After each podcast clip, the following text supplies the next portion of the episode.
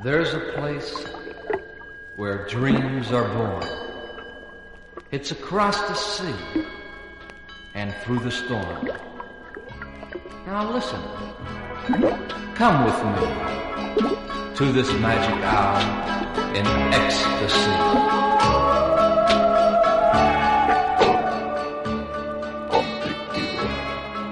Sector conflictivo. Sector conflictivo. Bienvenido al sector conflictivo. Bienvenido. Are you sure you want to be in this conflictive sector? Sector conflictivo. ¿Estás seguro? Are you sure de que quieres entrar? Are you sure? En el sector conflictivo. Hoy estás especialmente un programa de Pablo Marte. Pero Pablo Marte soy yo. Entonces estoy yo mismo presentándome a mí. Esto es una cosa absurda. En definitiva, que me parece fatal tener que presentarme a mí mismo. Bueno, pues no te presentes a ti mismo. Sí, pero es que el programa es eh, de Pablo Marte, hablará Pablo Marte. Sí, pero tú no tienes por qué ser Pablo Marte. Ah, bueno, pues no soy Pablo Marte.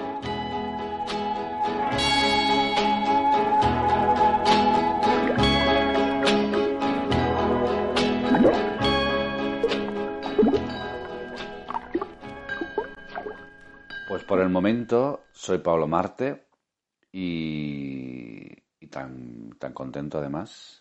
A ver, no, la verdad es que yo cuando me ponga pues no, no, no voy a saber, no voy a saber ponerme serio porque me di cuenta que mi estado más habitual, en el que ni, siquiera mis amigos me ven, es esta cosa larvaria, previa, es como que me di cuenta que el estado más básico en el que me muevo diligentemente y, en consonancia con, con, todo lo que se mueve en el planeta Tierra, es este en el que estoy como balbuceando cosas sin sentido que no van a ninguna parte, que parecen ensayos previos a el momento de empezar. Y esto lo digo porque después de escuchar eh, este hermosísimo tema musical con el que hemos dado comienzo al programa de hoy, eh, no, no, no, tengo manera de decir hola, soy Pablo Marte, soy el verdadero Pablo Marte, soy yo la, la, que viene aquí y estas cosas que uno dice. Y como ya sé cómo acabará el programa, porque todo esto forma parte de un uh, complot eh, en relación al relato y, ya veréis, y, y hay sus, sus, entradas y salidas en este, eh, en este tercer episodio, que, que, supone un gran paso para, para mí y para la humanidad, pues claro, pues el tono con el que voy a acabar es muy diferente, es más, un tono más, eh, ya lo veréis, es una cosa así como más eh, seria, ¿no? Entonces, bueno, pues ahora estamos ahí, en la parte en la que sale este Pablo Marte balbuceante y prenatal, el que se habría quedado eh, esto es muy fuerte, esto es más como decírselo a la terapeuta, pero bueno, lo voy a decir aquí.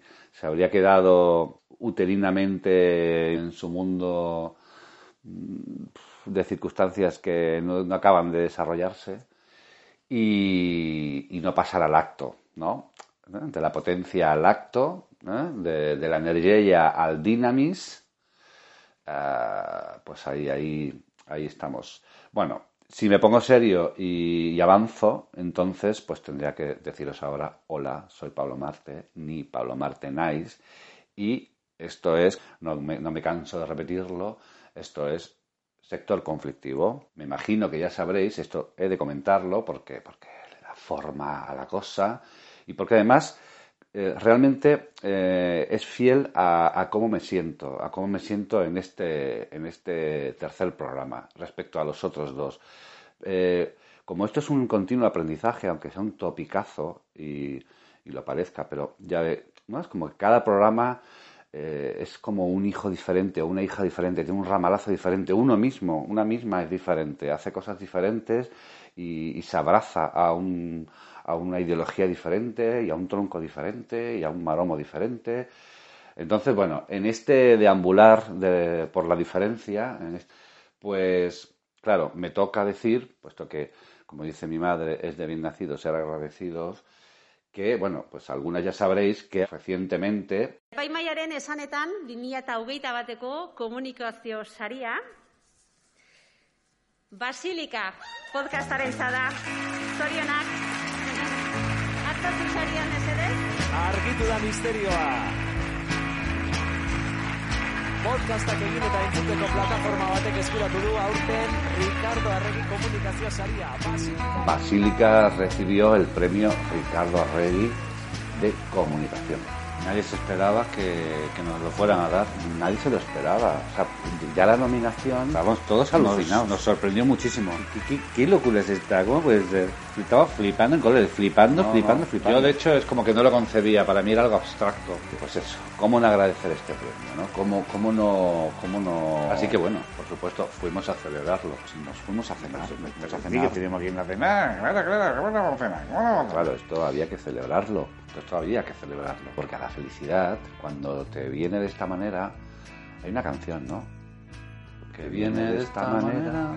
La felicidad cuando viene de esta manera, cuando te visita de esta manera, como nos ha visitado a nosotros con la concesión de, este premio, pues hay que agasajarla, hay que darle unas, unos canapés, unos tentempiés, hay que cocinarle, hay que sentarla, hay que decirle qué tal estás, cómo estás, abrazarla, darle un beso.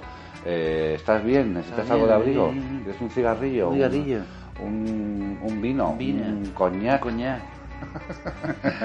¿Qué quieres? Felicidad. ¿Qué es lo que quieres? lo que quieres? Felicidad, felicidad. ¿Pero qué quieres? ¿Pero qué quieres? Felicidad. si te estoy dando todo, felicidad. ¿Qué hago? Exactamente. Que, que te lave los pies, que te corte las uñas, que te traiga un sándwich de pollo, que te baje por una Coca-Cola, que te suba un paquete de educados, traigo unos cojines, te hago, te hago un colacao, ¿qué hago? Te doy? Te hago una estatua, te hago un pedestal. Dime algo. Pero dime algo, felicidad. Dime algo. Felicidad, ¿qué quiere? ¿Qué, qué quiere? ¿Qué, ¿Qué, es lo que puedo hacer yo por ti, felicidad, ya que tengo el placer y la suerte de recibirte en mi casa cuando yo no te había pedido que vinieras? Pero claro, una vez que la felicidad aparece en tu casa, no le vas a decir, lárgate felicidad, porque igual no vuelve más. Exactamente, igual no vuelve más. La felicidad no la podemos echar de casa con lo que es, no, no. Entonces, bueno, lo mejor sería, lo mejor fue el día de la, el día de la, de la celebración, en el que todo Basílica nos juntamos en un sitio bien merecedor de la, de la ocasión. Un sitio, bueno, de postín. Vimos mm, de buen comer. Ya se sabe, ¿no? Estuvimos ah, todos reunidos. Y entonces, pues me levanté copa en alto, hice miré a todos, a todas, y les dije, bueno, ya sabéis, sabéis, ¿no? Todos me miraron así. Se nos ha acabado la edad de la inocencia. La edad de la inocencia. Y la edad, pronunciando edad. Se nos acabó la edad de la inocencia. O sea, bien, muy contento todos por el premio, pero pues claro, claro, este es un premio muy importante. Esto supone una gran responsabilidad. Es como aquella peli de de Tom Hanks. ha pasado como Tom Hanks. Big. En Big, ¿sabéis? Esa peli de los 80. Big. La película Big de Tom Hanks. No Big. Cerdo. Big. Grande. Cuidado. Big. Es una película que a mí no es que me ah, encante. No es que me encante esa película tampoco. Eh, pues la vi de pequeño. Em, pero tiene algo que me sirve de ejemplo y cuando las cosas sirven de ejemplo, es una película que sirve casi mejor para ejemplo que para película. Esto es muy bueno. Esto es muy bueno encontrar este tipo de situaciones es muy bueno. a lo mejor no escala puestos en la historia del cine, pero sirve como ejemplo para la vida diaria, para recomendarle a tu amiga, a tu amigo, cuando te viene con algo y tú le dices, esto es como esta película, y entonces todo queda claro. Y bueno, ya sabéis el argumento, ¿no? Es un niño que por una suerte de encantamiento, es un encantamiento en una máquina, en una feria, y quiere ser mayor, como muchos niños, que quieren ser adultos, quieren, ese niño pues ve cumplido sus sueños, su deseo y al día siguiente se levanta. De la noche a la mañana, ese niño, con cuerpo de niño, con mente, con experiencia de niño, se vuelve al día siguiente, se despierta, pero con, un cuerpo de, un cuerpo de, tiarrón, de, tiarrón, de tiarrón a lo Tom y, Hanks. Y, y, claro, pues tú ves a un tío enorme a un tiarrón, a Tom Hanks, comportándose como un niño, y ahí hay un contraste que, que es donde la película basa toda su, su gracia y donde está el punto fuerte de la película. Y hay algo ahí, ese desfase entre lo que parece y lo que es, que para mí hay algo así de eso en eh, esta cosa sobrevenida que, con, la recepción del premio Ricardo Arregui. No digo que nos quede grande, digo que, que nos queda tiempo que tenemos eh, por delante, por supuesto, tiempo. Pero bueno, oye, que estamos muy contentos, ¿eh? Que estamos muy contentos. Que si hay que perder la inocencia, se pierde. no, tenemos ningún problema. Pues ya no somos inocentes, pues no somos inocentes. ahora somos adolescentes.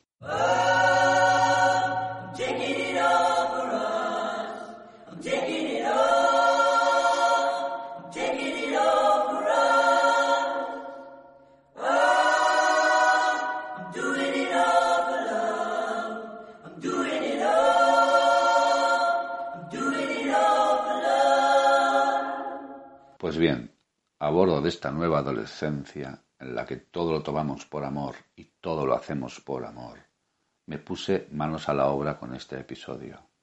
Tenía muchas ideas, las descarté todas, pero encontré un texto que escribí hace tiempo y que me gustaría leeros. Dice así. Un relato es posiblemente la materia más maleable que existe Nada se puede modificar hasta el extremo en que es modificable un relato. Se encuentra dentro de todas las formas y a la vez fuera, dentro de todos los hechos y a la vez fuera, en todos los corazones y fuera de ellos. Es por esto que un relato ofrece a quien lo sostiene una impresión de poder. Pero es sólo una impresión y esto solo un relato. Hasta el 9 de enero está abierta en el Museo San Telmo de Donosti la exposición San Sebastián eta Fantasma del artista Oyer Irureta Goyena.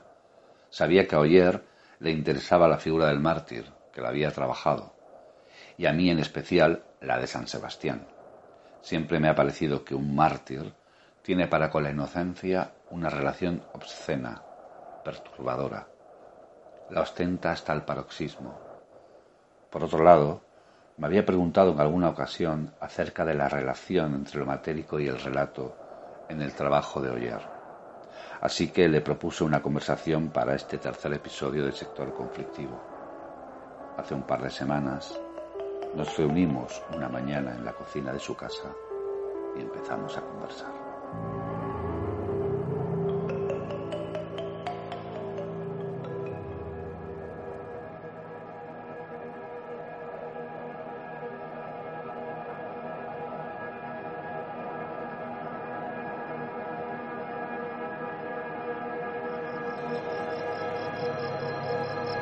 avenunti aurorae, Deus venis partust, curus paratus equi, aurorae provolent, ut deum noctis tenebrosum vincant. Oriente Deo juveni suspirant arundinis, Oriente Deo juveni canum taquare, genus hominum et somno excitato, Oriente Deo juveni Carlos Calcaneus, Tumenskis, Oriente Deo Juveni, Lilium Album, Odoratum Unguentum, Expirant. Aurora in luce, ille splendidus, lapidibus, in sacris par auro scintillat, similis rori scintillat in araneo, risus eius lentus mane colore impunt. Orbis terrarum, in pace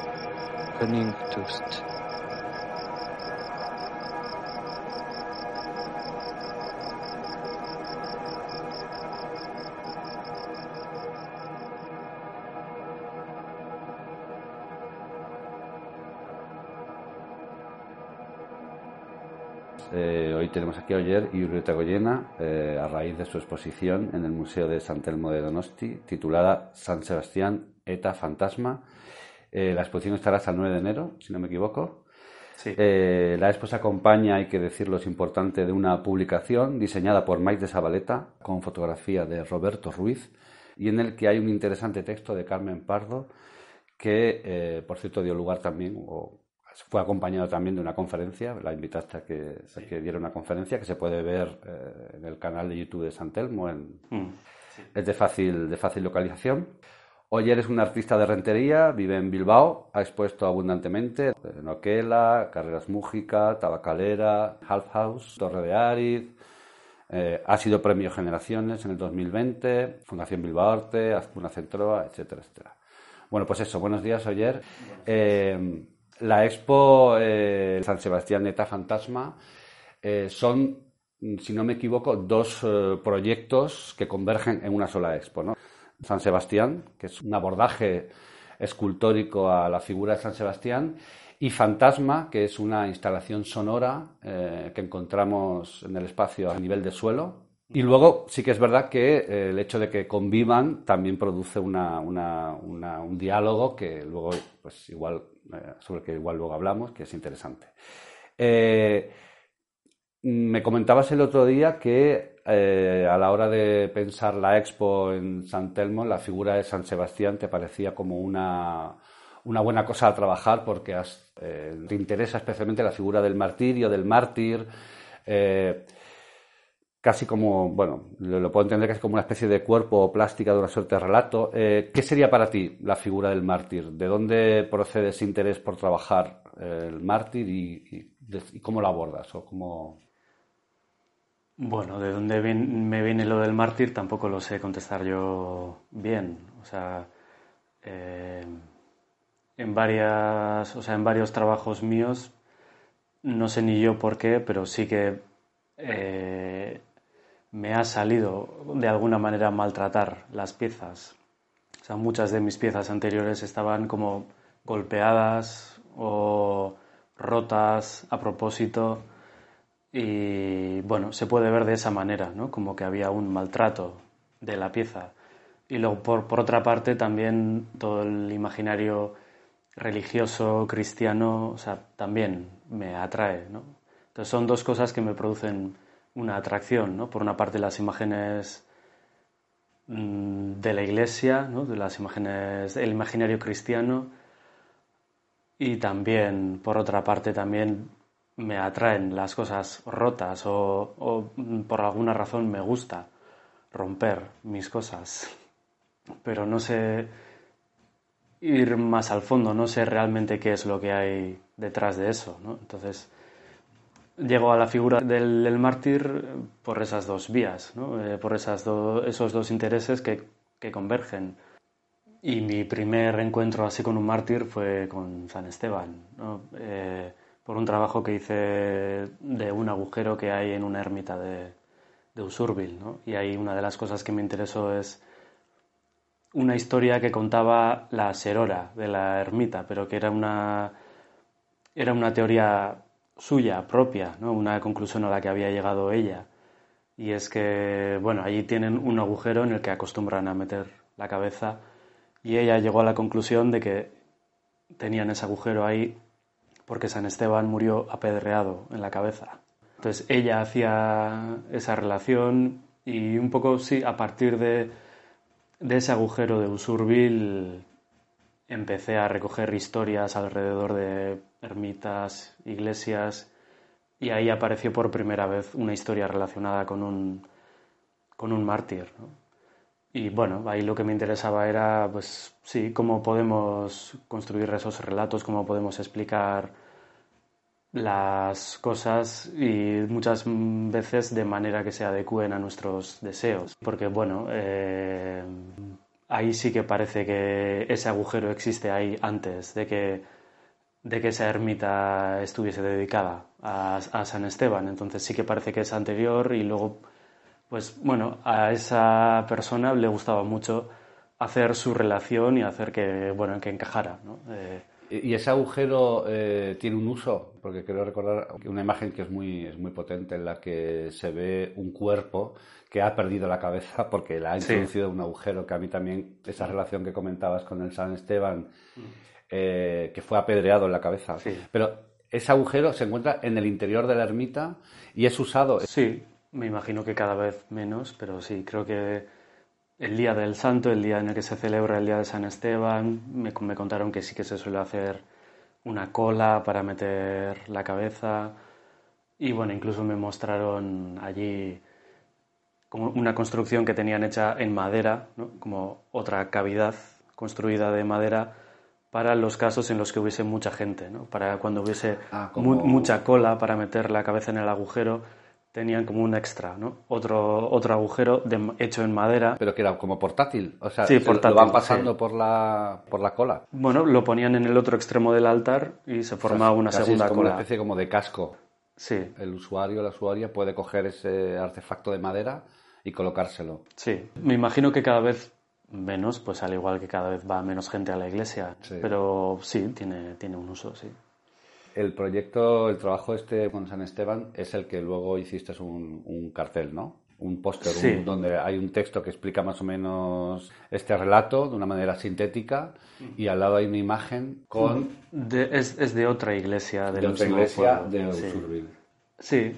eh, ahí lo que me gustaba es que era simplemente una casualidad lo que mostraba. Porque yo fui a visitar la ermita de, San Esteban de, de en Usurbil, donde ya había escuchado que había este agujero. Pero bueno, fui y estaba cerrado. Entonces yo bajé al centro del pueblo y fui a la iglesia principal a preguntar allí cuándo iba a poder encontrar la ermita abierta. Y cuando fui, eh, bueno, pues a la parroquia principal de, de Usurbil, eh, estoy hablando de memoria, pero creo que es San Salvador, la, la iglesia de San Salvador. Eh, cuando fui allí me encontré un graffiti que ponía Zulúa, que es agujero en euskera. Entonces yo me quedé muy extrañado. ¿no? He venido a ver un agujero y en otra iglesia del mismo pueblo me encuentro un graffiti que pone agujero. Y pensé, esto si lo cuento no me, no me va a creer nadie, ¿no? Todo el mundo va a pensar que lo he hecho yo, el graffiti. Entonces, lo, entonces lo, lo que, lo que me gusta es eso, que es que yo cuento que me lo he encontrado, pero fijo que nadie me cree, ¿no? Fijo que todo el mundo piensa que lo he hecho yo. Y luego en un póster muestro la imagen del graffiti de San Salvador y en el otro cuento, sin imagen, cuento en texto cómo es el agujero de San Esteban. Y también ahí pensé, pues si lo cuento y no muestro una imagen, suena como una cosa muy fantasiosa y no me van a creer, ¿no? Y eso es lo que me gusta. Es una casualidad y parece que en las dos estoy mintiendo, pero, pero, pero no estoy mintiendo, estoy simplemente dando testimonio Sí. eh, en foto o en texto de cosas que me, que me he encontrado. ¿no? Es curioso porque, eh, claro, estaba pensando justo ahora que en relación a la vigencia del relato, en el concreto del relato del, agujero de la ermita de San Esteban, estaba pensando en la, idea del arte o de la práctica artística como una manera de, supervivencia de ciertos relatos, es decir, de, de ubicar al relato o permitir que el relato encuentre otro medio, otra forma de, de continuidad, ¿no? No necesariamente por hacerlo sobrevivir, sino también por quizás por intuir los mecanismos a través de los cuales los relatos cambian de forma, mantienen algo de lo anterior, quizás lo suficiente para continuar, o desaparecen también, ¿no? Y se generan nuevos. Como que ahí había, eh, en tu caso, un como una, una mirada, un interés muy concreto, ¿no? Y que me parecía que de- desde ese proyecto se, se lee bastante bien. Eh, volviendo al tema del, del mártir, y en concreto de la expo de San Sebastián esta fantasma, háblanos del San Sebastián. ¿Cómo, cómo, cómo empieza la cosa? Bueno, eh, la elección de, de San Sebastián es porque la exposición es en Donostia, en San Sebastián. Sí. Eh, la misma exposición, si hubiese sido en Pasaya, no hubiese cogido a San Sebastián como tema. Y ahí hay... mm, es que no sé cómo decirlo, hay algo que me hace gracia en hacerlo, ¿no? en coger como tema para una exposición el patrón de, De una ciudad, sí, de un lugar. ¿no? Eh, claro, San Sebastián también me interesa por ser un mártir, ¿no? Me interesa esa imagen del, de una persona mm, atravesada por eh, saetas, ¿no? Mm, pero también, o sea, hay humor, hay ironía en esa elección y eso era lo que me gustaba. Em, hay como se da una mezcla ¿no? entre algo trágico, ¿no? hay pues la imagen de una figura sufriendo, pero a la vez pues hay una ironía detrás de esa elección porque no elijo a San Sebastián para hacer un homenaje al patrón de la ciudad. Está elegido desde, desde otro lugar. Y, y me gusta esa mezcla, que es el tipo de mezcla, el tipo de carácter un poco ambiguo que busco para todos mis trabajos. En tu caso, esa parte cómica también viene del hecho de que, siendo de Rentería, igual tu relación con Donosti es mucho más, eh, es más personal, te sientes como próximo a la ciudad, ¿o no? ¿Hay algún elemento como de, como de desvirtuar lo propio o algo así? Puede ser, puede ser, sí. O sea, sí que... Mm, cuando pienso en San Sebastián, una de las primeras imágenes que me viene a la cabeza es el San Sebastián que hay en la fachada no sé si estoy diciendo bien el nombre, pero creo que es la Basílica de Santa María, que está ahí en la parte vieja de Donosti. Está en el otro, San, si San Telmo está bueno, en un extremo de la calle 31 de agosto, en el otro extremo de la calle 31 de agosto ahí está. Creo que es la Basílica de Santa María. Bueno, al menos ahí en la fachada hay un San Sebastián. Y para mí una de las bueno, la imagen que primero me viene a la mente cuando pienso en un San Sebastián es ese, ese, ese en concreto, ¿no? Y eso sí que está como en mi imaginario desde la infancia, ¿no? Ese San Sebastián que se ve, pues, a lo largo de toda la calle, ¿no? Ahí, em, cuando entras en la parte vieja. Y bueno, sí, o sea, sí que me gustaba que San Telmo estuviese tan cercano a, a ese San Sebastián en concreto, ¿no? Y bueno, sí, pues igual si la exposición hubiese sido en Sevilla, pues igual no me hubiese atrevido a trabajar con el patrón de Sevilla, porque no sé, no me sentiría como controlando todas las connotaciones que hay alrededor de eso. Entonces, al ser de, de rentería, pues bueno, sí, siento que controlo el terreno, ¿no? Siento que sí sé lo que significa San Sebastián en Donosti y desde ahí puedo trabajar. ¿no? Sí. Por otro lado, me, es, visible además en la expo porque es una de las dos únicas imágenes que son notoriamente figurativas. Eh, representacionales, ¿no? El grabado de, la ciudad de San Sebastián y, eh, una foto de una efigie del, de San Sebastián que pertenece, me comentabas, al Museo San Telmo, ¿no? Sí. A la que llaman, que me hace mucha gracia, Musugorri, que significa cara sonrojada. Sí, eso es. ¿Encuentras esta figie eh, a posteriori o como...? Eh, no, un poco la idea de hacer, hacer la exposición en torno a San Sebastián surgió a partir de ver esa, ah, esa imagen. Sí. Bueno, vi esa imagen y otras figuras de San Sebastián que tienen ahí en la colección de San Telmo. Y bueno, lo que me llamó la atención es que las flechas no se representaban con flechas, sino con agujeros. Desde ahí vi yo una posibilidad de explorar plásticamente eso, ¿no? Eh, pero Mushugorri me atrajo especialmente, o sea, me gustaba mucho como escultura, porque tiene... Hay una ambigüedad tanto de edad, sexo, o sea, no, no sabría decir si es hombre, mujer, adolescente, adulto, está en, en una ambigüedad eh, también hay ambigüedad también en si está...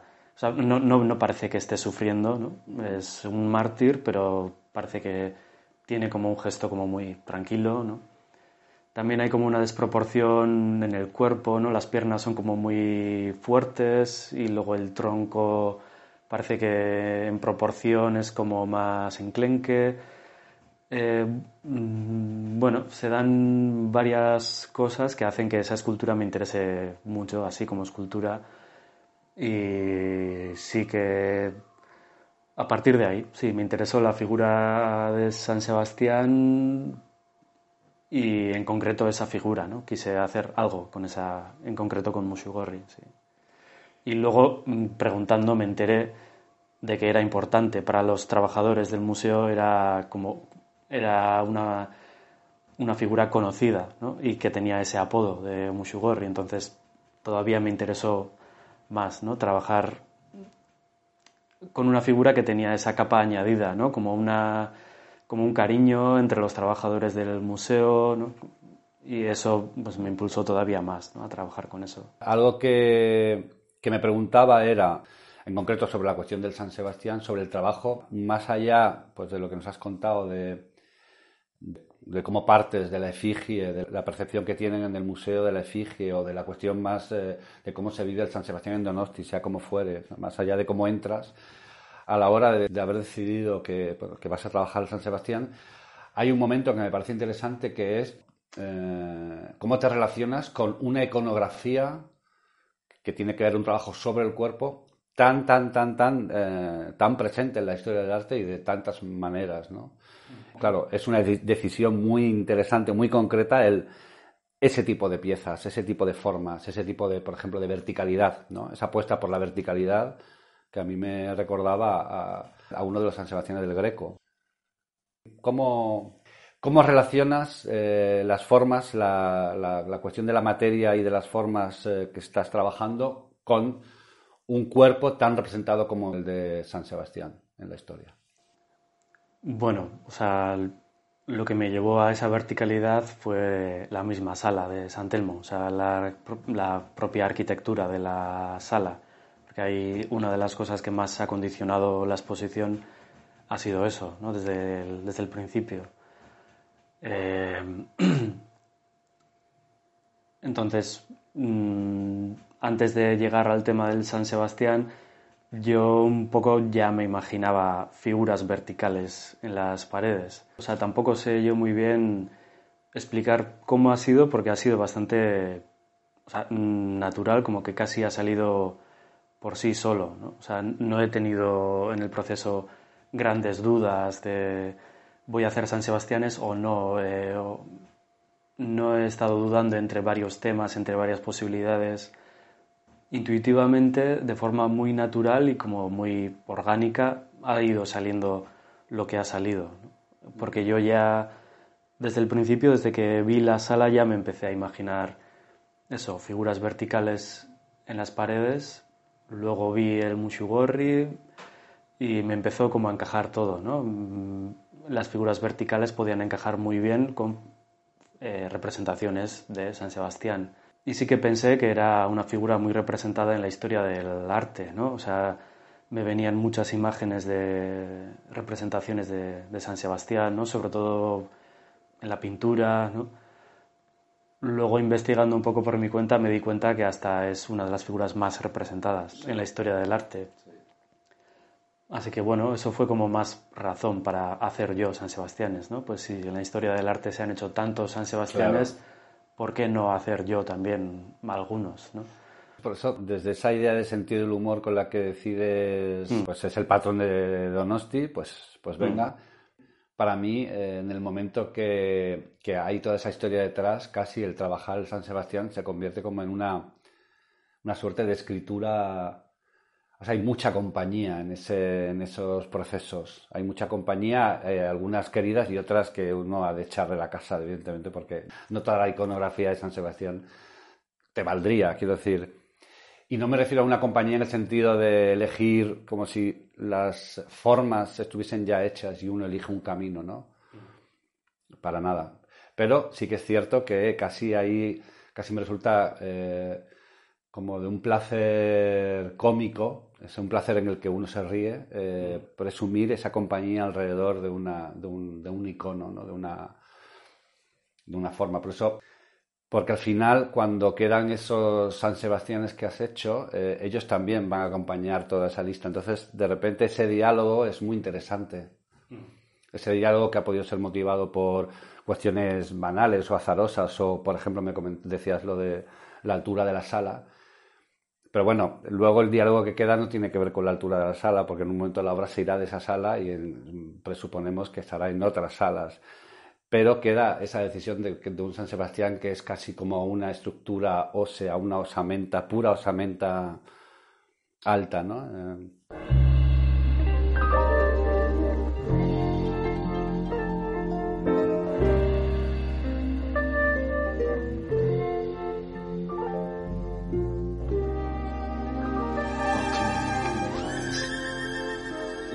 severe. Putas libinem tua quare amorem Dei?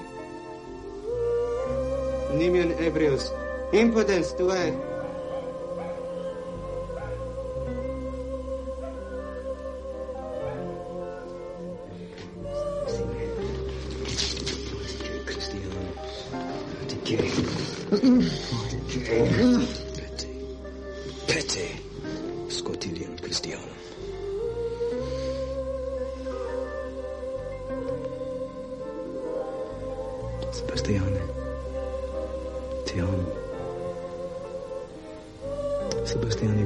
Social Narcissist. Sebastiane, né? me ama.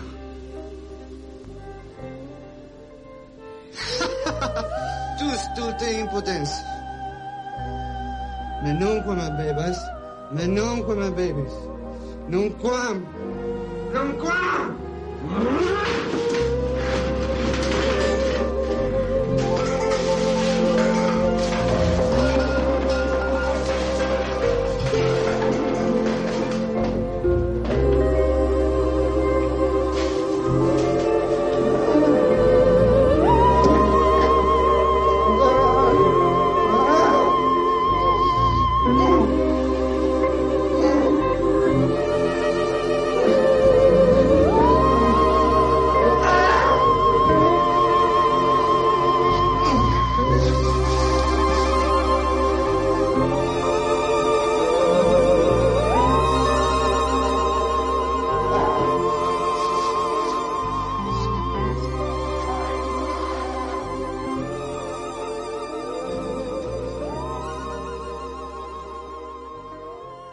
Para continuar con el San Sebastián, con las, las, las, lo que serían las esculturas que más remiten al cuerpo del, mártir, al cuerpo del San Sebastián, eh, sí que eh, lo comentabas al principio, volvemos casi a la primera respuesta que das, un poco cuando te pregunté tu interés por el mártir, tú me hablaste por un lado de un interés que tiene que ver casi como lo documental, pero bueno, luego me hablas de otro interés que tiene que ver con la idea de martirizar el material. No sé, cuéntanos un poco eh, ¿Qué te lleva en concreto a hacer ese tipo de, pues, por ejemplo, hay un tema con, el color, hay un tema con, eh, con las grapas, hay, no sé.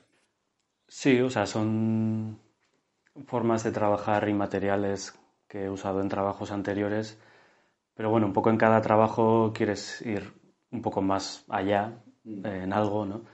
Y en este caso he querido llevar un poco más allá esta especie de maltrato, que es algo que había hecho en piezas anteriores, ¿no? por ejemplo, bueno, en unas esculturas de madera y papel maché que había presentado en, carreras Mújica hace un par de años, hacía cortes, ¿no? era una parte importante de la pieza hacer cortes con la sierra, pero los hacía solo en algunos extremos. ¿no? Eh, yo iba construyendo la pieza con madera y papel maché, ¿no? poniendo papel maché alrededor de una estructura de madera y luego en ciertos lugares hacía cortes que hacían visible la estructura interna. ¿no? Eh, se hacía visible esa forma de construir como por capas, ¿no? o sea, casi se veía como, sí, como bueno, como si fuese como, sí, como estratos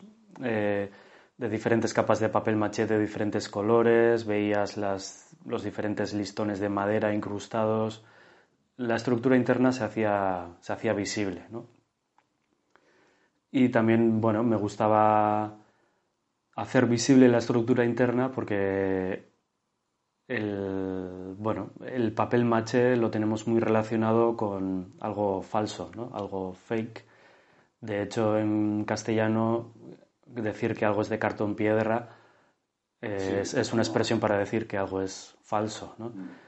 Y me ha pasado alguna vez de que me preguntaran qué material era y al decir que es papel maché o cartón piedra, bueno, es, es lo mismo, papel maché o cartón piedra, al decir eso, tener una reacción de, ah, entonces es falso. Y para mí, en esos cortes, eh, se evidencia que eh, tiene una estructura interna, o sea que muchas veces lo falso se relaciona con estar vacío por dentro, ¿no? Con ser solo una carcasa y que por dentro sea, sea vacío, ¿no? En esos cortes se evidencia que no, que es son masas de, cartón piedra, son eh, ensamblajes de madera y papel maché que tienen su peso.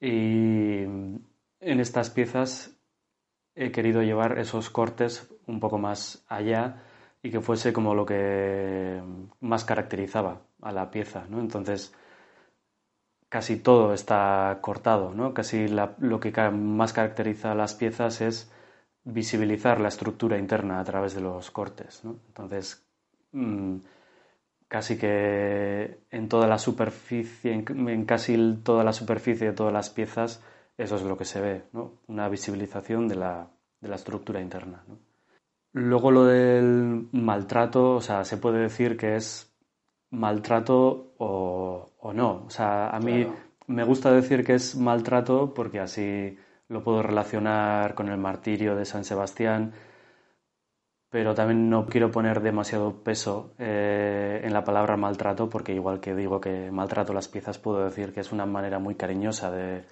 de trabajarlas.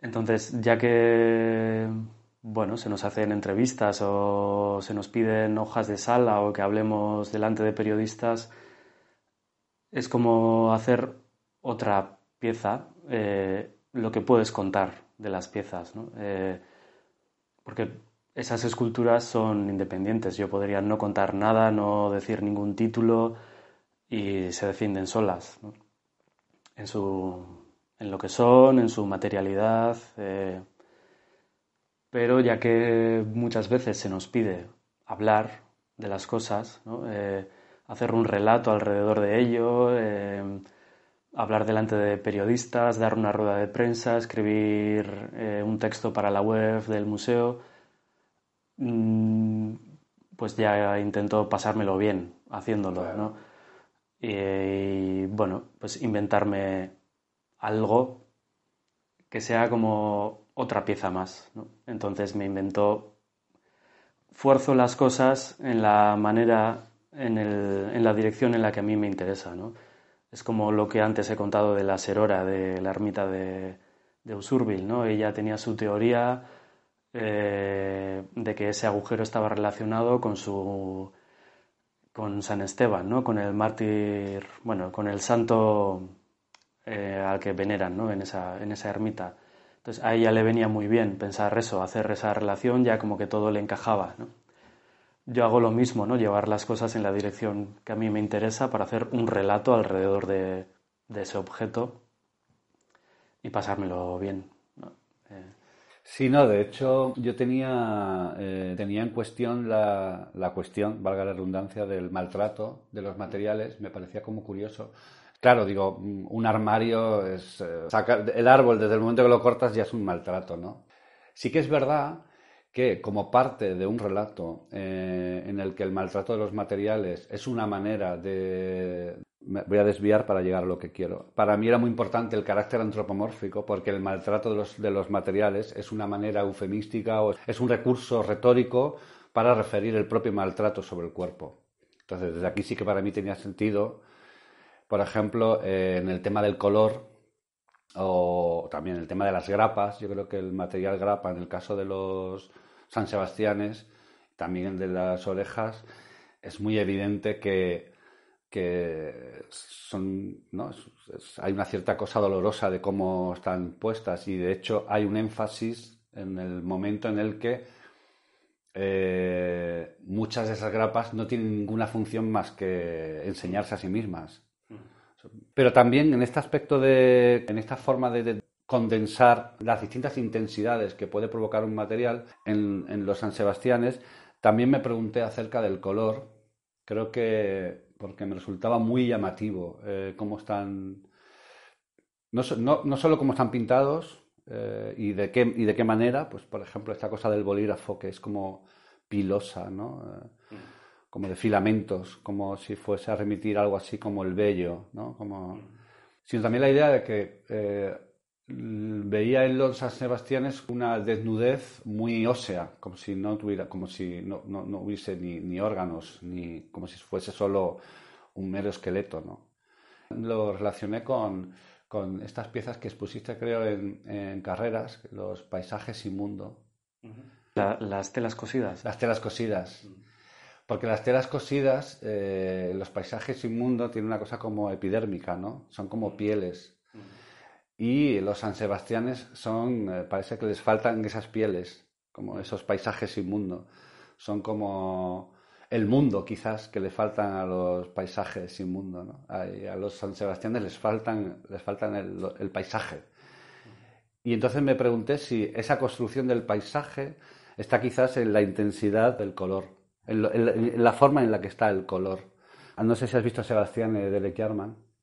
Eh, no, no, no, no no, soy nada cinéfilo, no, no veo eh, pues hay una... Sé de esa película, pero pues, solo he visto extractos. Pues te, te, la paso porque creo que te va a interesar. Bueno, es una película totalmente eh, rodada en latín, tiene un algo de fantasmático, una película en latín, y es la vida del, del soldado romano Sebastián. Y en el momento del martillo, que es el momento final, ocurre al mediodía, que es la hora en la que se nos presentan los dioses, y, está en un paisaje muy árido, muy desértico, muy mediterráneo, y eh, no se escucha prácticamente nada más que el viento, ni siquiera se escucha el sonido de las flechas, hay como un silencio ahí muy interesante, que también lo, ponía en relación con lo que comentaba Carmen Pardo de lo que escucha el Sebastián pues casi ese silencio enfatiza ese... Es un silencio, o sea, los cuerpos no, hacen ningún ruido, solo está ese viento como impostado así. Y hay una cuestión de, relación cromática del cielo azul y el ocre que de otro modo, eh, de repente, no sé, intuí que en, el, que en, las, en tus San Sebastianes es como si todo ese mundo, todo ese mundo de, todo ese alrededor, que incluso puede incluir la propia sangre del, del, del mártir o todo ese espacio en derredor estaba como condensado semánticamente o a nivel más de intensidad en los colores sobre, sobre la madera. Cuando usas el color, eres consciente de esta función tan expresiva que tiene. Forma parte quizás de ese trabajo del maltrato. Bueno, se puede entender así, o Carmen Pardo en el texto sí que lo entiende así. Ella, para ella es parte de esa iconoclastia, ¿no? El, en vez de usar materiales más nobles, otro tipo de pinturas o barnices, el usar bolígrafos o rotuladores. Ella sí que lo entiende así, ¿no? Como un gesto como de maltrato, ¿no? Yo, bueno, en ese caso no, no sé, fue bueno, el querer probar algo diferente, ¿no? Había ya usado barnices y así en otras piezas anteriores y quería estaba un poco aburrido de eso, quería probar otra cosa y Mm, empecé a probar con lo que tenía a mano, ¿no? Sí, rotuladores, bolígrafos, luego ya rotuladores así, fosforitos, eh, bueno, con lo que tenía a mano, ¿no? Y me, gustaba que fuesen como cosas muy como los que tenemos en la escuela, ¿no? Porque también hay, por ejemplo, chicles pegados y yo eso también lo relaciono mucho con la escuela, ¿no? Eh, muchas muchos pupitres tienen chicles pegados debajo y también muchos, muchos dibujos hechos con bolis o rotuladores, ¿no? En, muchos pupitres, en las esquinas o debajo hay cosas escritas con lo que tienes a mano y lo relacionaba mucho con eso, ¿no? O sea, el poner, pegar un chicle y escribir o hacer un tachón con un rotulador, un bolígrafo. Sí, hacerlo así con lo que tienes a mano sin muchos recursos, ¿no? era, era eso. Y también Claro, a la hora de trabajar eh, la imagen del, bueno, del, no del santo, de la efigie del Mushugorri, son como dos. Una, dejas la imagen bastante intacta, como es la representación en el original. La otra intervienes bastante y haces como un borrado del rostro, de la parte del sexo y de los pies. Estos, estas zonas son... No, eh, no. Es azar de...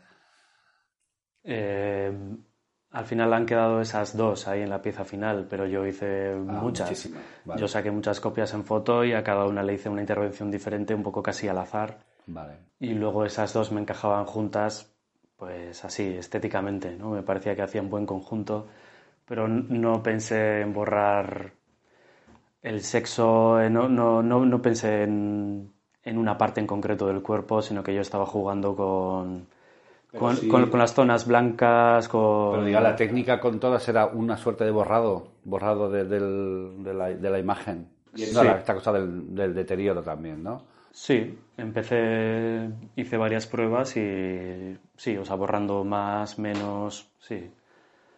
Pero sí, era un juego plástico, sí. En el caso de la de Fantasma, ¿la pieza está hecha es profeso para la sala? Es una pieza anterior. Había hecho cosas parecidas anteriormente, pero esta en concreto sí está hecha para, para el museo. Está hecha para, para el museo. Esa fantasmalidad... eh, Esa fantasmalidad, eh, esa fantasmalidad, eh, Sí, está hecha para, para el museo. Está hecha para, claro, Claro. esa sí, fantasmalidad, está hecha para, claro, para el museo. Esa fantasmalidad viene en conversación con conversación Carmen. con Carmen Pardo, ¿no? Esa fantasmalidad viene en conversación O con cómo Carmen. aparece- aparece... No, yo la idea de fantasma o ese título sí que lo tenía en mente. Luego, bueno, fue un poco casualidad. Bueno, o no, o igual Carmen Pardo empezó a hablar de fantasma porque yo ya le había comentado algo. bueno. de hecho, por ejemplo, pero bueno, ella luego lo llevó un poco por otro sitio. No sé exactamente en qué mes, pero por primavera de este año escribí un artículo en Berría que se titulaba Fantasma y era sobre la radio. Hacer algo con la radio y que el título Fantasma estuviese por ahí. Eh, luego, bueno, me gustó que Carmen Pardo cogiese eso y que lo, que lo desarrollase todavía más y que lo llevase hacia otro sitio, ¿no? Y eso ya fue como un incentivo ya para llevar Fantasma ya como hasta el título de la exposición, ¿no? O sea, fue uh, un poco algo que se retroalimentó. Se retroalimentó. O sea, fue uh, un poco algo de exposición, ¿no? Pero yo ya lo traía de antes. Fantasma entonces en la Fantasma sala. entonces en la sala Fantasma entonces en la sala como una funciona ironía. casi quizás, como una una ironía. ironía quizás, una ironía quizás, una ironía quizás. En términos de lo sonoro, ¿cómo, Como- cómo verías cómo- tú esa vinculación, cómo verías tú esa vinculación de lo fantasmático y lo lo sonoro fantasmático y lo sonoro en relación a, a esas piezas, a las piezas, a las piezas, a las piezas eh, escultóricas? Bueno, con las piezas escultóricas no se relaciona directamente. O sea, yo lo fantasmal lo veo en lo sonoro, porque bueno, lo sonoro de por sí es bastante fantasmal, ¿no? El sonido no lo vemos, pero se esparce y desde la radio salen voces que son voces sin cuerpo, que vienen de otro lado y que llegan a través del aire. Eh, es de por sí algo muy fantasmal, ¿no? La radio. Es de por sí algo muy fantasmal, ¿no? La radio.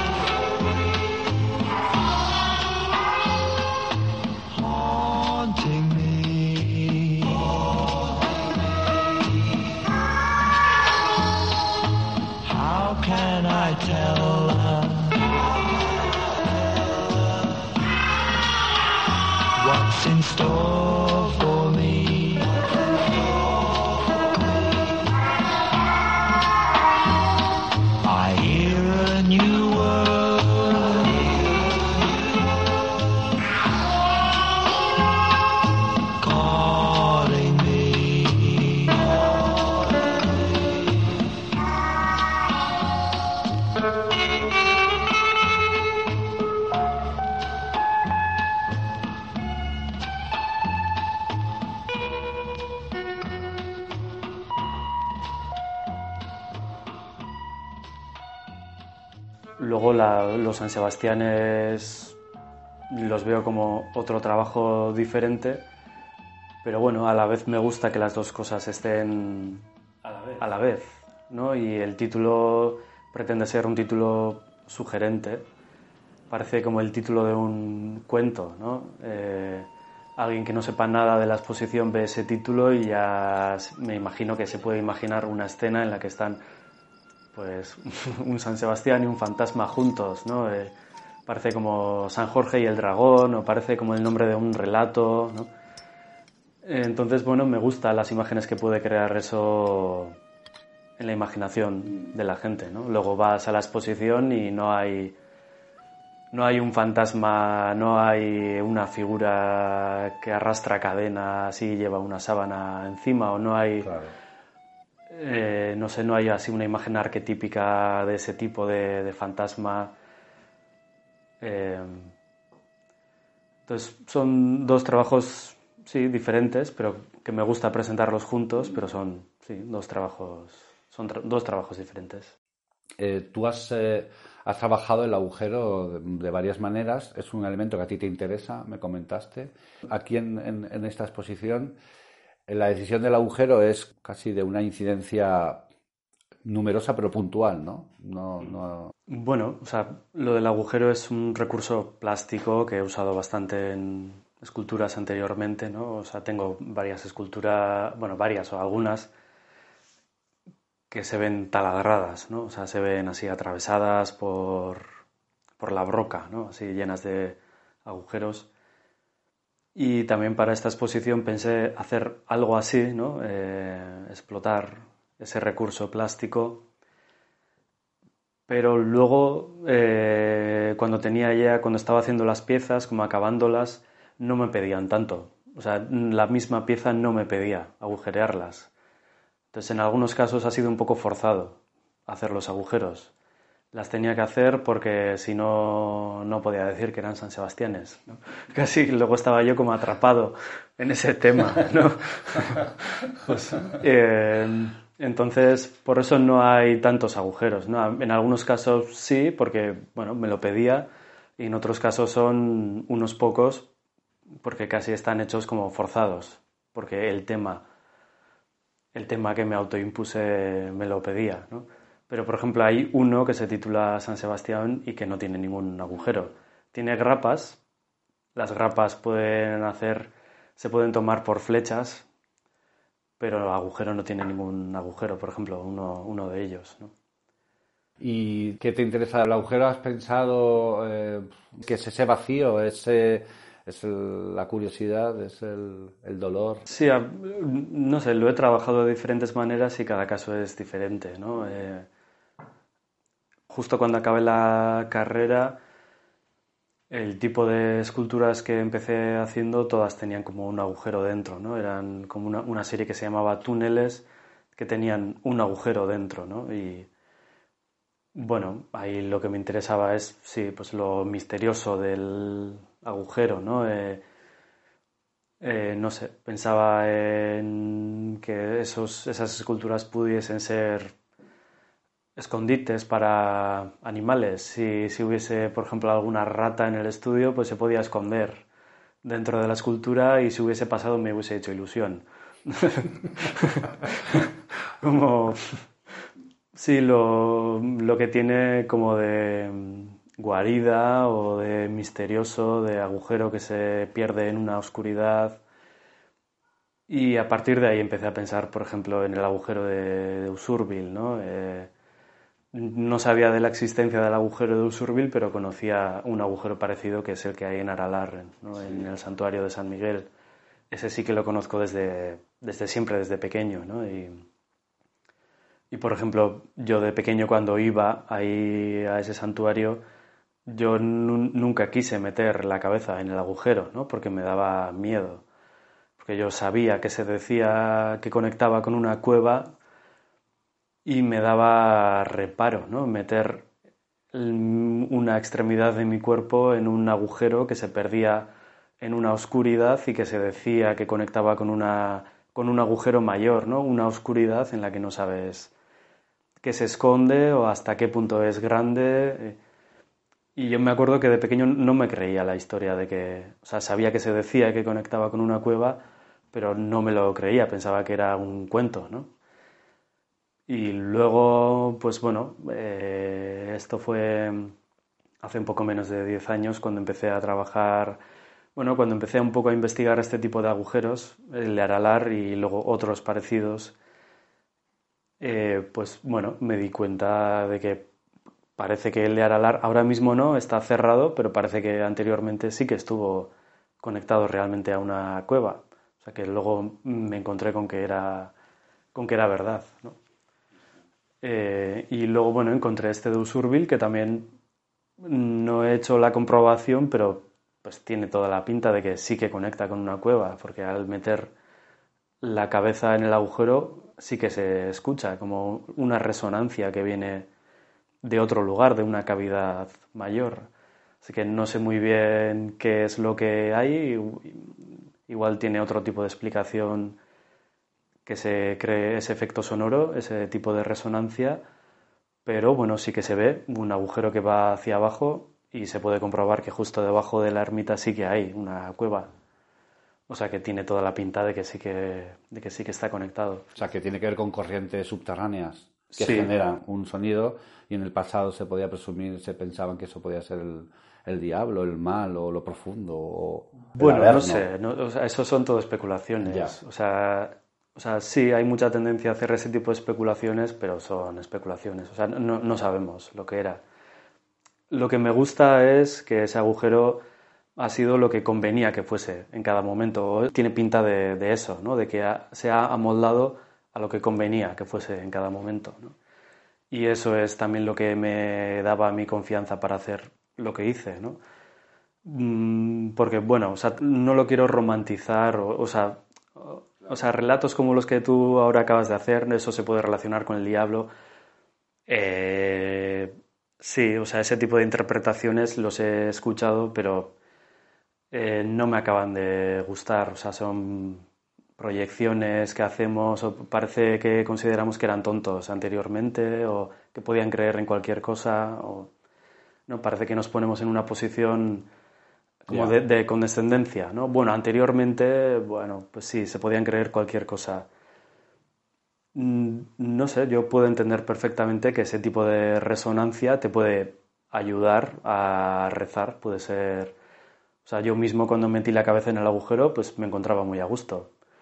Y me puedo imaginar que ese tipo de situación te puede ayudar a conectar con cierta espiritualidad, sin hacer tampoco mayor relato, ¿no? Entonces, bueno, intenté un poco investigar a ver qué se había, qué se había investigado sobre ese agujero y no había nada. Lo único que encontraba era como algo que había escrito Barandiarán.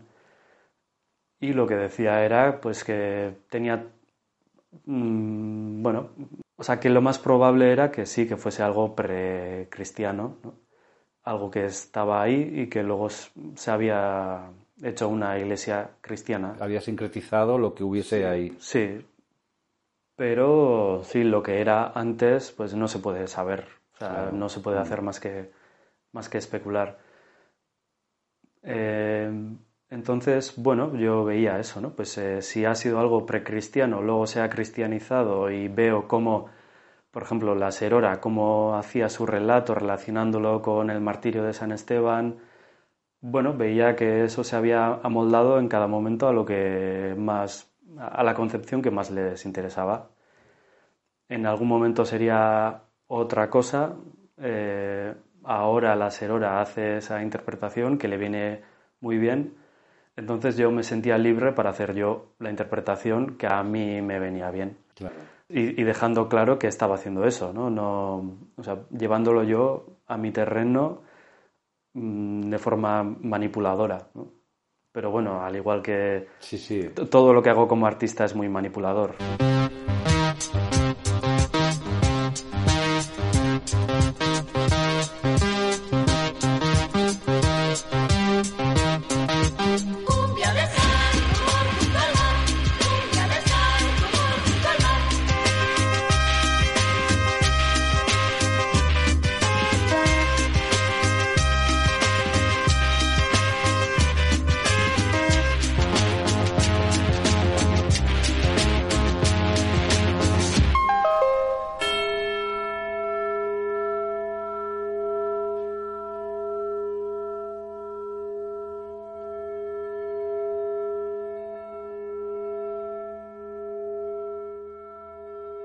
Relación sobre todo a ese trabajo, a líneas cruzadas y que siempre o en muchos eh, momentos enuncias que no lo haces, no eres un antropólogo, no eres, o sea, ese relato está construido como artista y como persona que está interesada en el hecho de relatar mismo, ¿no? Y, y yo sí que ahí también veo esta cuestión que te contaba al principio de la supervivencia de los relatos y de cómo es impensable, de hecho es imposible prácticamente un relato que un relato que quiera sobrevivir no puede no cambiar.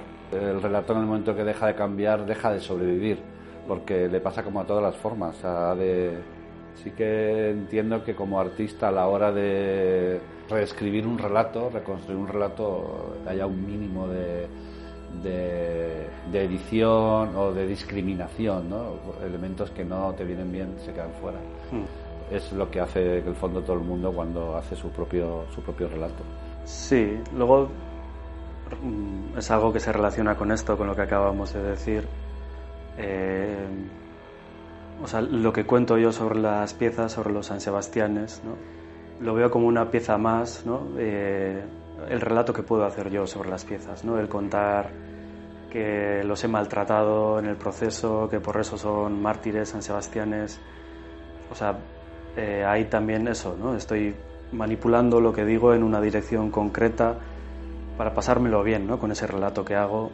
Y también, por ejemplo, eso, el otro día cuando nos juntamos en el bar, te contaba, ¿no? Eh, lo que decimos sobre fantasmas, sobre la instalación de sonido, también es como una mentira bonita, ¿no? Esto de que eh, los cascos se están deteriorando mientras dura la exposición, en realidad no creo que sea así, pero nos gusta decirlo, o sea, es una mentira bonita que está bien decirlo. Entonces, eh, mm, esto sí que es algo que aparece ¿no? en varios trabajos míos. ¿no? En Lerro Gurutzatuak pues, estaba trabajando con eso ¿no? muy directamente, ¿no? o sea, juntando informaciones que a mí me interesaban de forma muy bueno, manipuladora, eh, con fantasma también eso, pues eh, aunque no sea del todo verdad, bueno, me gusta decir que se van a deteriorar eh, a lo largo de la exposición. Cuando hice mi primera exposición en Montermoso también había, por ejemplo, una instalación de sonido y también decía una mentira en la hoja de sala. Decía que esa instalación de sonido iba a estar funcionando 24 horas. De noche también, o los días que el museo cerrara, el centro de arte cerrara, que eso iba a quedar sonando ahí constantemente. Y no era verdad, ¿no? Se, se desenchufaba a la noche o cuando iban a cerrar el centro. Pero, bueno, era una, una mentira que me gustaba decirlo, ¿no? Y ahí en la hoja de sala decía una cosa y luego eh, cuando he tenido oportunidad, pues en entrevistas o en conferencias, he dicho que era, que era una mentira. Pero eso, una, pues una, una bonita mentira, ¿no? Y me gusta jugar también con eso, ¿no? Con, bueno, con decir mentiras, con manipular las cosas de una manera concreta. ¿no? Pero entonces, aquí cuando de repente enuncias que es mentira, actúas en contra de la propia mentira. Mm, No, porque bueno, porque me, me gusta que se sepa que es mentira. O sea, en un sitio decir que, es, eh, que esto es así y luego por otra parte en otro momento pues decir no, pues es que era, era mentira. Eso lo, lo pones en relación, o sea, yo sé que otra de, de tus preocupaciones que tiene mucho que ver con el relato, de hecho para mí es otra de las formas de relato, o cómo se construyen los relatos, es la idea de mito, ¿no? De mito eh, en el sentido más contemporáneo, de las historias que al final entroncan, eh, entran en lo popular o no, o quedan como experiencias eh, más o menos colectivas, ¿no? Y en ese entramado, también por algunas de las piezas de los artis- de artistas que eliges en líneas cruzadas, en ese entramado, la función mítica de los relatos y de las experiencias como que parece que te interesa especialmente. Con esto que me estás contando de esa relación eh, juguetona de la mentira y la verdad, ¿refieres también como una posible manera de construirse los mitos? Es decir, como que los mitos no se construyen de manera tan pétrea sobre verdades insoslayables, sino que están hechos de huecos y de agujeros de verdades y mentiras. Sí, sí. Eh, o sea, en líneas cruzadas junto dos tipos de materiales, ¿no? Por una parte, pues así como eh, mitos, eh, ritos, costumbres populares y por otra parte pues, obras de arte y cada, cada contenido tiene connotaciones muy diferentes. ¿no? Eh, generalmente los mitos les damos como mucho peso, ¿no? Ponen como mucho peso romántico, ¿no? como si se tratase de cosas que vienen de muy antaño y esconden una sabiduría. Eh, todo eso sí que me molesta bastante, ¿no? todo, todo ese peso romántico que les ponemos. Entonces, cuando los junto con obras de arte, pretendo poco eh, enrarecerlos, ¿no? Eh, al juntarlos con un, con un, contenido que puede ser parecido, pero de una connotación muy diferente, pretendo cambiar esa connotación tan romántica que le atribuimos al, al mito, ¿no? Y, por ejemplo, lo que hemos dicho antes de este, esta costumbre de medir el árbol de Ceanuri, ¿no? no es tan antiguo, es, sabemos que empezó hace unas décadas, ¿no? Eh, y a partir de un juego, ¿no? Eh, unas personas que tuvieron la curiosidad de medirlo. ¿no? Eh, entonces, sí, otros muchos mitos yo creo que pueden tener mm, un origen de ese tipo. A veces ¿no? sorprende que, que, algo dé lugar a un mito, ¿no? Quiero decir, a veces sorprende que, por ejemplo, medir un árbol dé lugar, bueno, a un mito igual, a una, a una tradición. También por separar la relación entre mito y tradición. Mm. Entiendo que tú desconfías bastante de la tradición porque en un par de sitios comentas de hacer ajuste de cuentas o como de coger la tradición por los pelos. O... Sí, o por ejemplo, bueno, una de las historias así que se volvió como más conocida de las que recogí en Lerro Gurutzatuak, en líneas cruzadas, por ejemplo, lo del corzo que entra en las cuevas de Espitarte sí. y que saca la cabeza en un caserío que pertenece a mi familia. ¿no? Por ejemplo, ahí, o sea, yo recuerdo haber vivido esto de, pequeño. ¿no? Esa, esa, historia la encontró mi hermano en un libro de Barandiarán y se lo llevamos a mis abuelos, ¿no? los que vivían en ese caserío. ¿no? Y entonces se quedaron como muy extrañados, ¿no? con una sensación de que aquel hombre debía saber más que ellos mismos sobre su propio caserío. ¿no?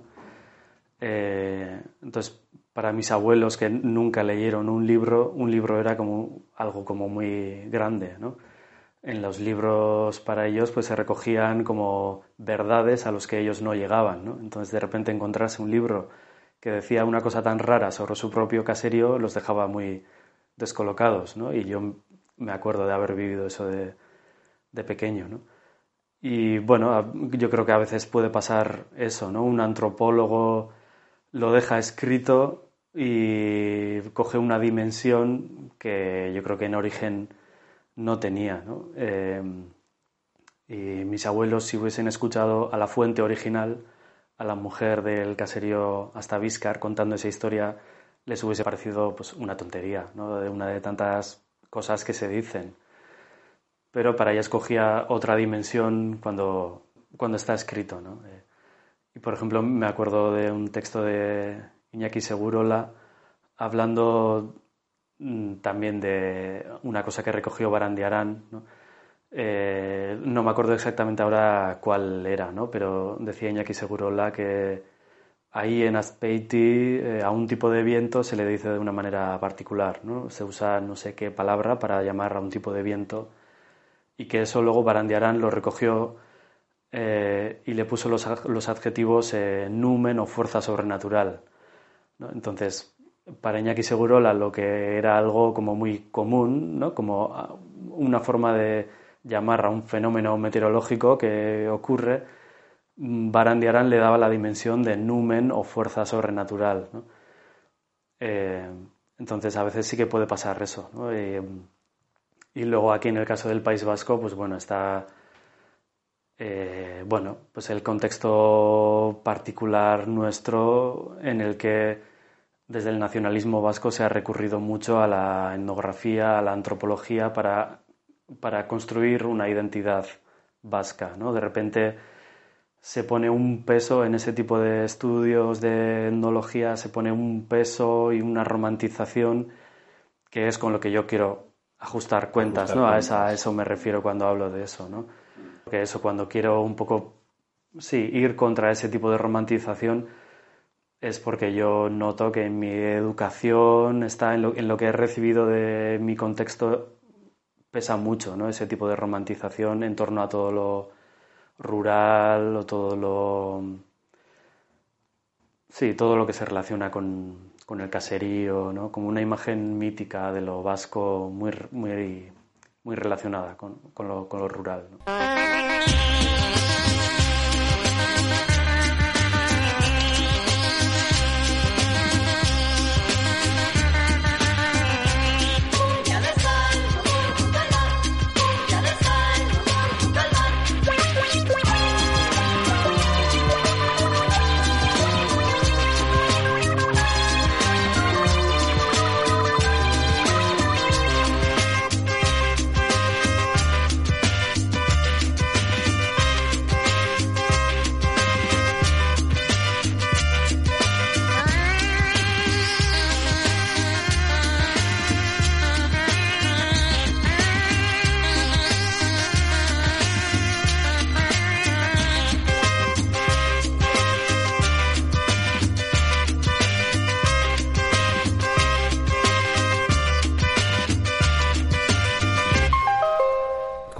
Ciertos aspectos formales eh, que comulgan en, en, cosas que en principio no tienen nada que ver, a preguntarme de dónde viene esa, esa conjunción, yo entendía que, que, de alguna manera en líneas cruzadas estaba también como esa idea, ¿no?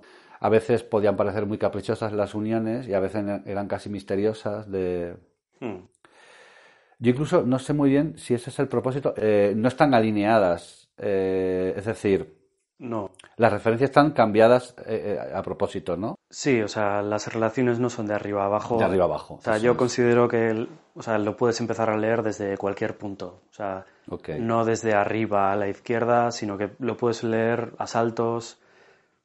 Y sí, o sea, por eso cuando estaba trabajando con eso mucha gente me decía que a ver por qué no hacía una publicación, pero yo no le veía hacer publicación, no le veía sentido hacer publicación porque para mí las relaciones son desde cualquier punto a cualquier punto, ¿no? Eh, o sea, no son de arriba a abajo, de izquierda a derecha.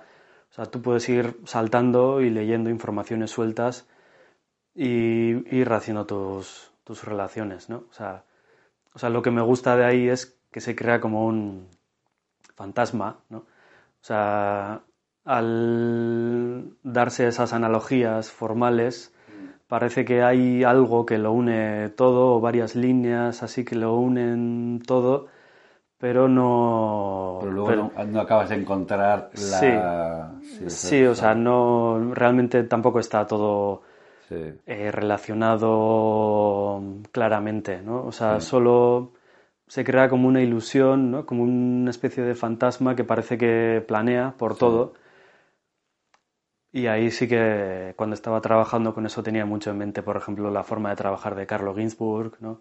Sí. un historiador que también pues, ha trabajado mucho a través de analogías formales, bueno, y él a la vez, eh, para trabajar como trabajaba, eh, se basaba mucho en Avi Warburg, Sí. ¿no? Eh, entonces, bueno, yo también ¿no? pues, tenía mucho en mente el atlas de, de Avi Warburg, ¿no? Al poner esos textos así de esa manera en la pared.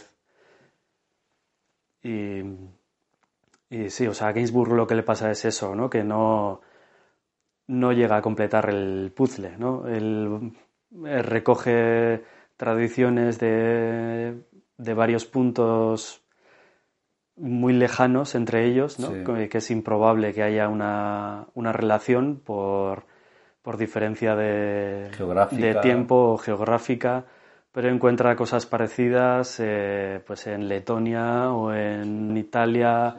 Si hablas de, bueno, de toda la metodología, mm. eh, pero bueno, de historia nocturna, él sí. sí. que expresa en las primeras páginas, en la introducción, eh, también cuando se sitúa históricamente en ese estudio respecto a otros estudios sobre la Quelarre, mm. en esa nocturnidad y en ciertos, ciertas repeticiones de, de de ritos y de procesos y a partir del estudio de los, de los documentos de la Inquisición y de los juicios, etc. Mm. Bueno, él al principio sí que justamente habla de esto que comentas. Él, eh, se encontraba con un problema, un fuerte problema metodológico de tener mm, una enormidad de material Mm. que él veía que se podía vincular de una manera eh, morfológica, porque eran eh, tropos, porque había tropos de movimientos, de formas, de hábitos, en lugares muy separados en el tiempo y en lo geográfico, y, que una representación histórica no, no hacía justicia. Él alude a una, a una frase de, de Wittgenstein, que está en el Aproximaciones a la rama dorada de, de que son como unos, un pequeño texto, donde Wittgenstein habla de, de- Tengo el libro ahí, y lo leo. Este, este párrafo eh, eh, pues, siempre lo tenido muy presente.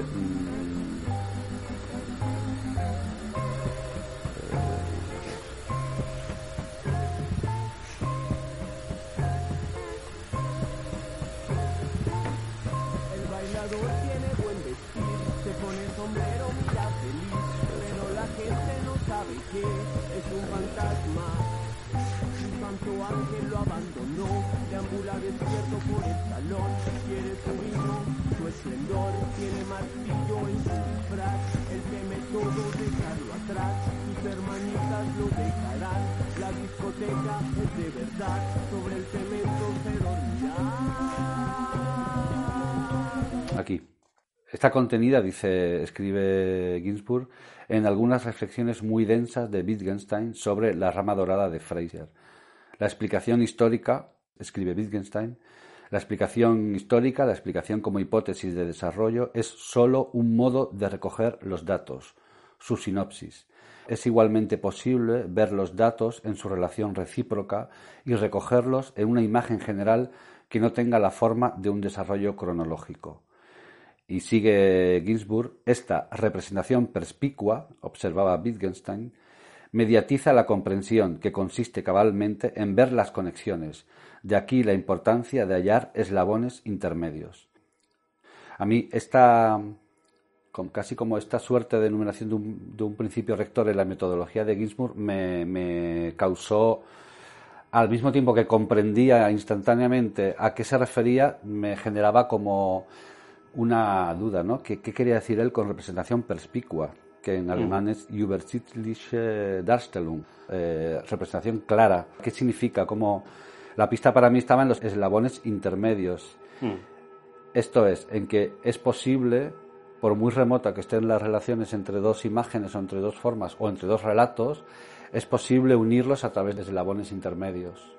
Dice, la respuesta de Wittgenstein es clara. La representación perspicua era un modo de presentación de los datos no solo alternativa, sino implícitamente superior a la presentación histórica, porque A era menos arbitraria y B era inmune a hipótesis evolutivas no demostradas. Una relación interna entre círculo y elipse, observaba, se ilustra transformando gradualmente la elipse en un círculo, pero no para afirmar que una determinada elipse ha surgido efectivamente, históricamente, de un círculo, hipótesis evolutiva, sino sólo para hacer nuestro ojo sensible a una relación formal.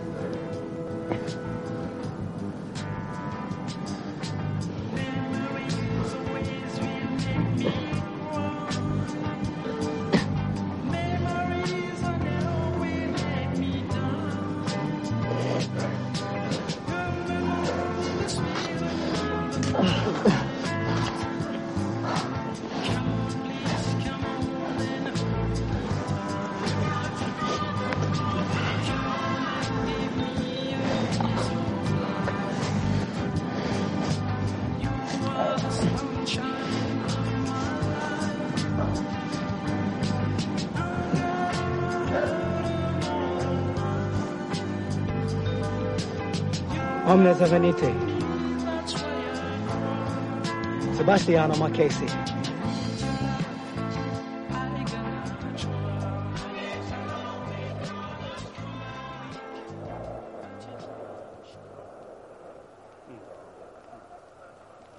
Sí, sí, son mi- micro historias. sí. Continuamos un buen rato hablando delante de unas imágenes que yo había traído. Eran tantas que tuve que disponerlas en el suelo de la habitación, haciendo una L. Había imágenes de sus trabajos, de líneas cruzadas, de paisajes sin mundo, de la cruz que tiene la exposición en San Telmo, que es la única pieza escultórica en esa expo que se relaciona horizontalmente con la instalación de Fantasma. Esa cruz es una obra anterior. La había visto ya en la expo en Basauri. Le dije que en esa cruz, con esos planos solapados, se entendía muy bien la relación de afinidades internas de la que habla Ginsburg y por la cual es posible ver claramente cómo una cruz griega podría converger en un lauro. Hablamos también del artista Henrik Olesen, un escultor que a Oyer le había interesado para los San Sebastianes. Henrik Olesen, este lo tenías tú muy presente. Sí, sí, sí, sí, sí. Es- me gusta mucho como artista, sí, sí, sí. Sí, es aquí hay una. O sea, esa- esas piezas de Portrait of My Mother Mm. o My Father Sleeping los he tenido muy presentes a la, Muy hora, de, presentes, sí. a la hora de hacerlos en Sebastianes. sí. Hablamos del agujero. Le mostré la imagen de la incredulidad de Santo Tomás, de Caravaggio, en la que Jesús, resucitado, sostiene la mano de Santo Tomás e introduce un dedo de éste en su herida. A Tomás, representado de perfil, solo le demos un ojo, una cuenca oscura que parece vacía, como un agujero. La herida, en cambio, cortada a ras por la luz, es representada siendo penetrada hinchándose. Junto a la de Caravaggio, dispuse una imagen de la película Vacaciones en Roma, la escena de la boca de la verita, en la que Audrey Hepburn teme meter la mano en la boca porque Gregory Peck le ha contado la leyenda de que la boca se come la mano de quien ha mentido, de quien miente. Añadí, a su lado, una imagen de la Paintbox, la caja del dolor de Dune, el momento en el que Paul, interpretado en la versión de Denis Villeneuve por Timothy Chalamet y en la de David Lynch por Kyle MacLachlan, ha metido por indicación de la reverenda madre su mano derecha en la caja y se estremece de dolor. En una hilera al otro lado de estas imágenes se mostraban un par de representaciones del momento en el que Santa Irene extrae las flechas y cura las heridas de Sebastián. Contrariamente a lo que suele creerse, Sebastián no muere debido a las flechas, sino tiempo más tarde. Una de las imágenes era de Georges de la Tour y la otra, mi favorita, de Trofan Vigo, que yo había visto en el Museo de Bellas Artes de Bordeaux. En ambas, Irene se acompaña de una ayudante que porta una lámpara, una luz, e ilumina la escena. Y una luz lleva también la mujer tumbada y desnuda que Duchamp sitúa al otro lado del agujero en Etandune, una referencia con la que Carmen Pardo inicia su conferencia titulada Las flechas de amor y dolor, los agujeros de San Sebastián. En la parte baja yo había colocado muchos Sebastianes. Una fotografía que Lorca se tomó en Plaza Urquinaona, en Barcelona, y sobre la que intervino, dibujando, para convertirla en un San Sebastián, imagen que le envió a Ana María Dalí. Tanto Lorca como Dalí abundaron en referencias cruzadas y correspondidas a San Sebastián. Coloqué también un par de Sebastianes de Guido Reni, así como algunos de los retratos fotográficos que el escritor japonés Yukio Mishima se hizo haciendo él mismo de San Sebastián y tomando como modelo las imágenes de Guido Reni. De una de esas imágenes habla en Confesiones de una máscara. Su protagonista, un adolescente llamado Koshan, encuentra la imagen de Reni en una enciclopedia de arte que compra su padre y con ella tiene su primera eyaculación. También había alguna de las primeras representaciones donde San Sebastián es un hombre maduro que porta un arco y viste armadura.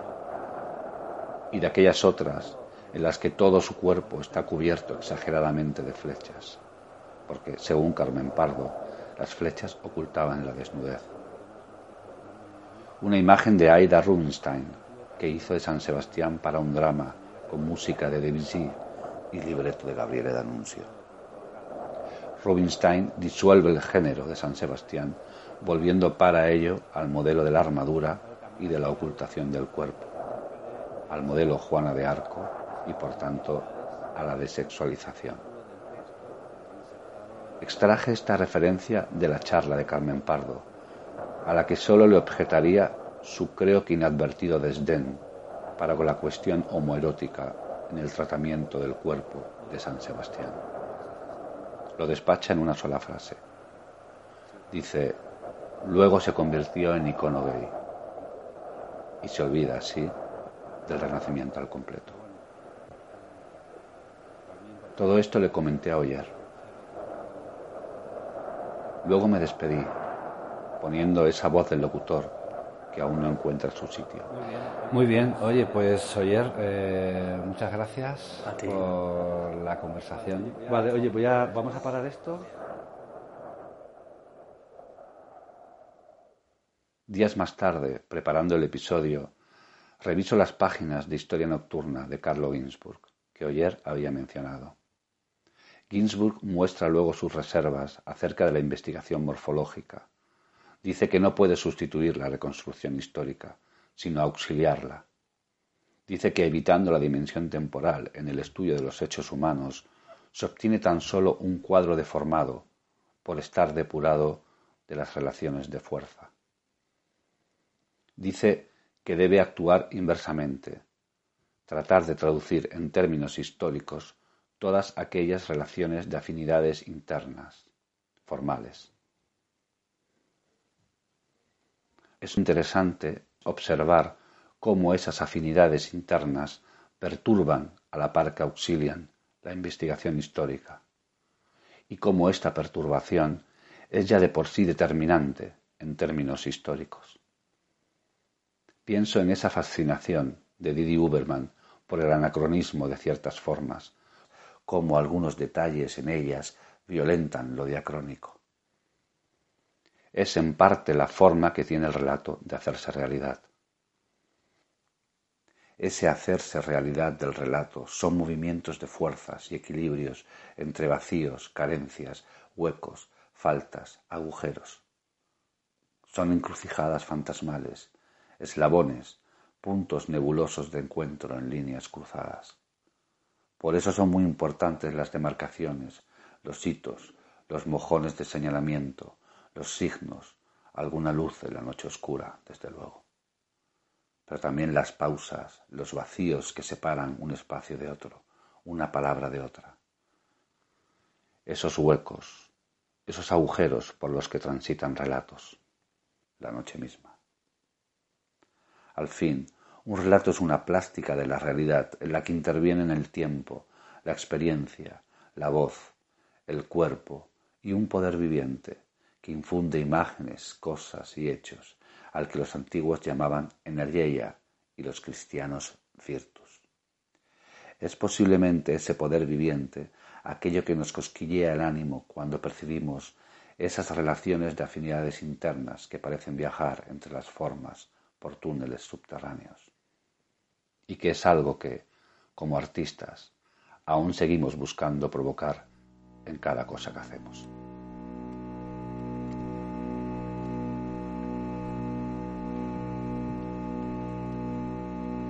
Judizio generalaz nola horit ez dira Bekatuan bizi dira beti bere aixira Egun hartan galezkiten aizinetik begira. Hanor duian ez dukegu ehork Arza zuntza horitzia zuhurtzia handi da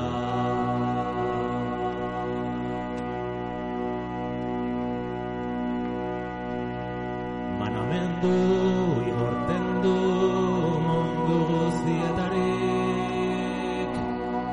Jende oro bat dakion Josafaten bildurik